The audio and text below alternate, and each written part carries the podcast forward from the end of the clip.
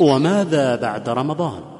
الحمد لله رب العالمين والصلاة والسلام على أشرف الأنبياء والمرسلين نبينا محمد وعلى آله وصحبه أجمعين. أما بعد فهذه آخر ليلة من هذا الشهر الكريم. والله تبارك وتعالى أعلم من سيدرك رمضان الآخر ومن لا يدركه. وقد قيض الله عز وجل لمن شاء من عباده من أسباب التوفيق والهداية والعمل الصالح فاستغلها من استغلها وضيعها من ضيعها. أيها الأحبة أولئك الذين أجهدوا أنفسهم في ليلهم ونهارهم في تلاوة كتاب الله والعمل الصالح في هذا الشهر إنهم لا يجدون في ساعتهم هذه شيئا من التعب. وإنما هي ذكرى. وأولئك الذين قضوا الأوقات فيما لا طائل تحته في أحسن الأحوال لا يجدون من أنسهم في هذه الساعة شيئا. تصرمت الأيام أيها الأحبة والليالي على الجميع. لكن ما هي النتائج؟ هؤلاء جاءوا بختمات كثيرة وأعمال كثيرة وهؤلاء جاءوا بمشاهدات للقنوات ولعب بالورق وسهر بلا طائل وذهاب إلى الأسواق ونوم عن الصلوات فما هي قيمة الراحة التي استراحوها والإجمام الذي استجموه؟ كل ذلك قد ذهب. والحياة تمضي بهذه الطريقة وحينما ينقضي عمر الإنسان لا يجد من تعبه ولا من لذته شيئا وإنما يجد النتائج أمامه. هذه هي الحقيقة الكبرى التي تغيب عن الأذهان في كثير من الأحيان بسبب غلبة الغفلة. فإذا كشف الغطاء تبينت الحقائق.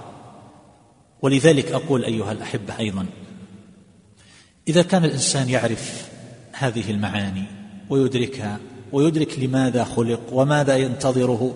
ورمضان كانت فترة كافية لتهذيب نفسه وتطويعها لربها وخالقها جل جلاله. فهل بمجرد ما تأفل شمس هذا الشهر من الغد نهجر المساجد؟ يهجر كتاب الله عز وجل إلى السنة القادمة في رمضان. هل هذا يليق؟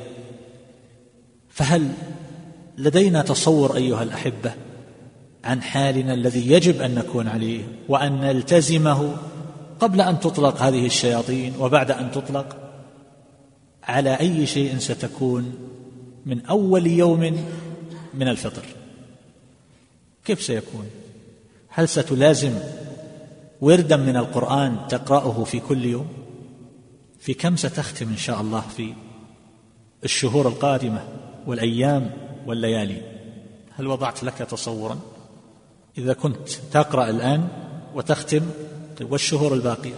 أم أننا من عبيد المواسم عباد رمضان وإذا انقضى رمضان انتهى كل شيء؟ العبادة في كل الأوقات. وإذا كان رمضان ينتهي بغروب الشمس يوم الغد فإن أشهر الحج تدخل من غروب شمس الغد. موسم جديد عظيم جدا. وهكذا حينما تنقضي أشهر الحج يأتي محرم صيامه أفضل الصيام بعد رمضان. وفيه يوم يكفر سنة ماضية عاشوراء. وفي نهاية العام يوم عرفة من صامه كفر سنة ماضية وسنة آتية. والحج المبرور ليس له جزاء إلا الجنة. فنحن دائما في عبادة. والآفاق مفتوحة وأبواب الخير مفتوحة والموفق من وفقه الله.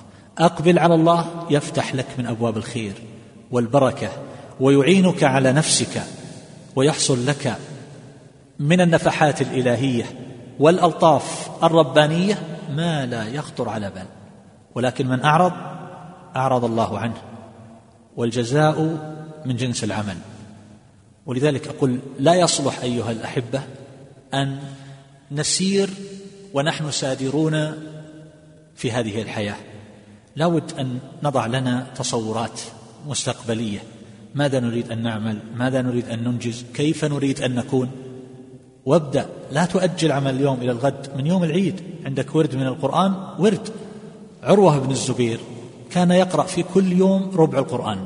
يقول ما تركته أبدا إلا الليلة التي نشرت فيها رجلي.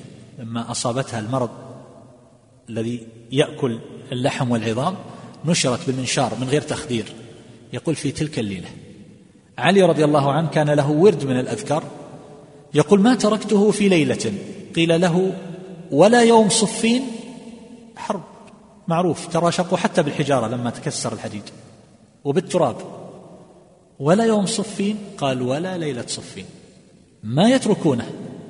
الحسن بن صالح وأخوه وأمه كانوا يقسمون طول السنة مو برمضان الليل إلى أثلاث. هذا يقوم الثلث الأول وهذا يقوم الثلث الثاني والأم تقوم الثلث الثالث. ماتت الأم قالوا ما يخلو الثلث من صلاة. ما نقطع العادة في هذا البيت. فصاروا يقتسمونه نصفين. هذا يصلي نصف وهذا يصلي نصف. فمات أخوه فقال لا نقطع هذه العادة من هذا البيت. فصار يصلي الليل كله إلى أن مات. وحنا يا إخوة صلاتنا العشاء والكلمة هذه اللي يستثقلها لربما بعضنا. والتراويح كلها ساعة واحدة. كلها ساعة وذولا طول السنة. يقتسم الليل وهذا يصلي الليل. وعثمان أيام خلافته يصف قدميه خلف المقام ويختم القرآن في ركعة البارح. جالس أحسبها بالآلة. طلعت تحتاج عشر ساعات إذا كان يقرأ الجزء بعشرين دقيقة في الساعة. عشر ساعات يحتاج يقرأ. وخليفة خلف المقام. ركعة واحدة. نحن كم نستطيع نصلي في اليوم الليلة كم نستطيع نقرأ؟ كم جزء نقرأ؟ هؤلاء يعملون أعمال مثل الجبال ويأتون بحسنات أمثال الجبال يوم القيامة. وحنا نأتي بماذا أيها الأحبة؟ مع كثرة الذنوب والمغريات والملهيات فلا بد أن يكون عند الإنسان منهجا في الحياة. يسير عليه لا يفرط به أبدا مهما كان. ولو حصل للإنسان إعاقة في يوم انقطع. ما استطاع لا تتثبط وتقول ما في فائدة لا في فائدة كمل من اليوم اللي بعده. أرغم الشيطان.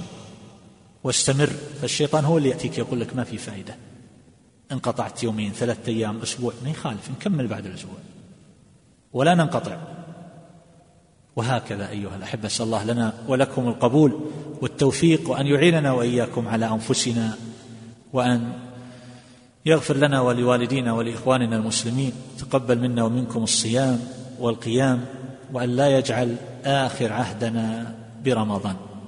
صلى الله عليه وسلم.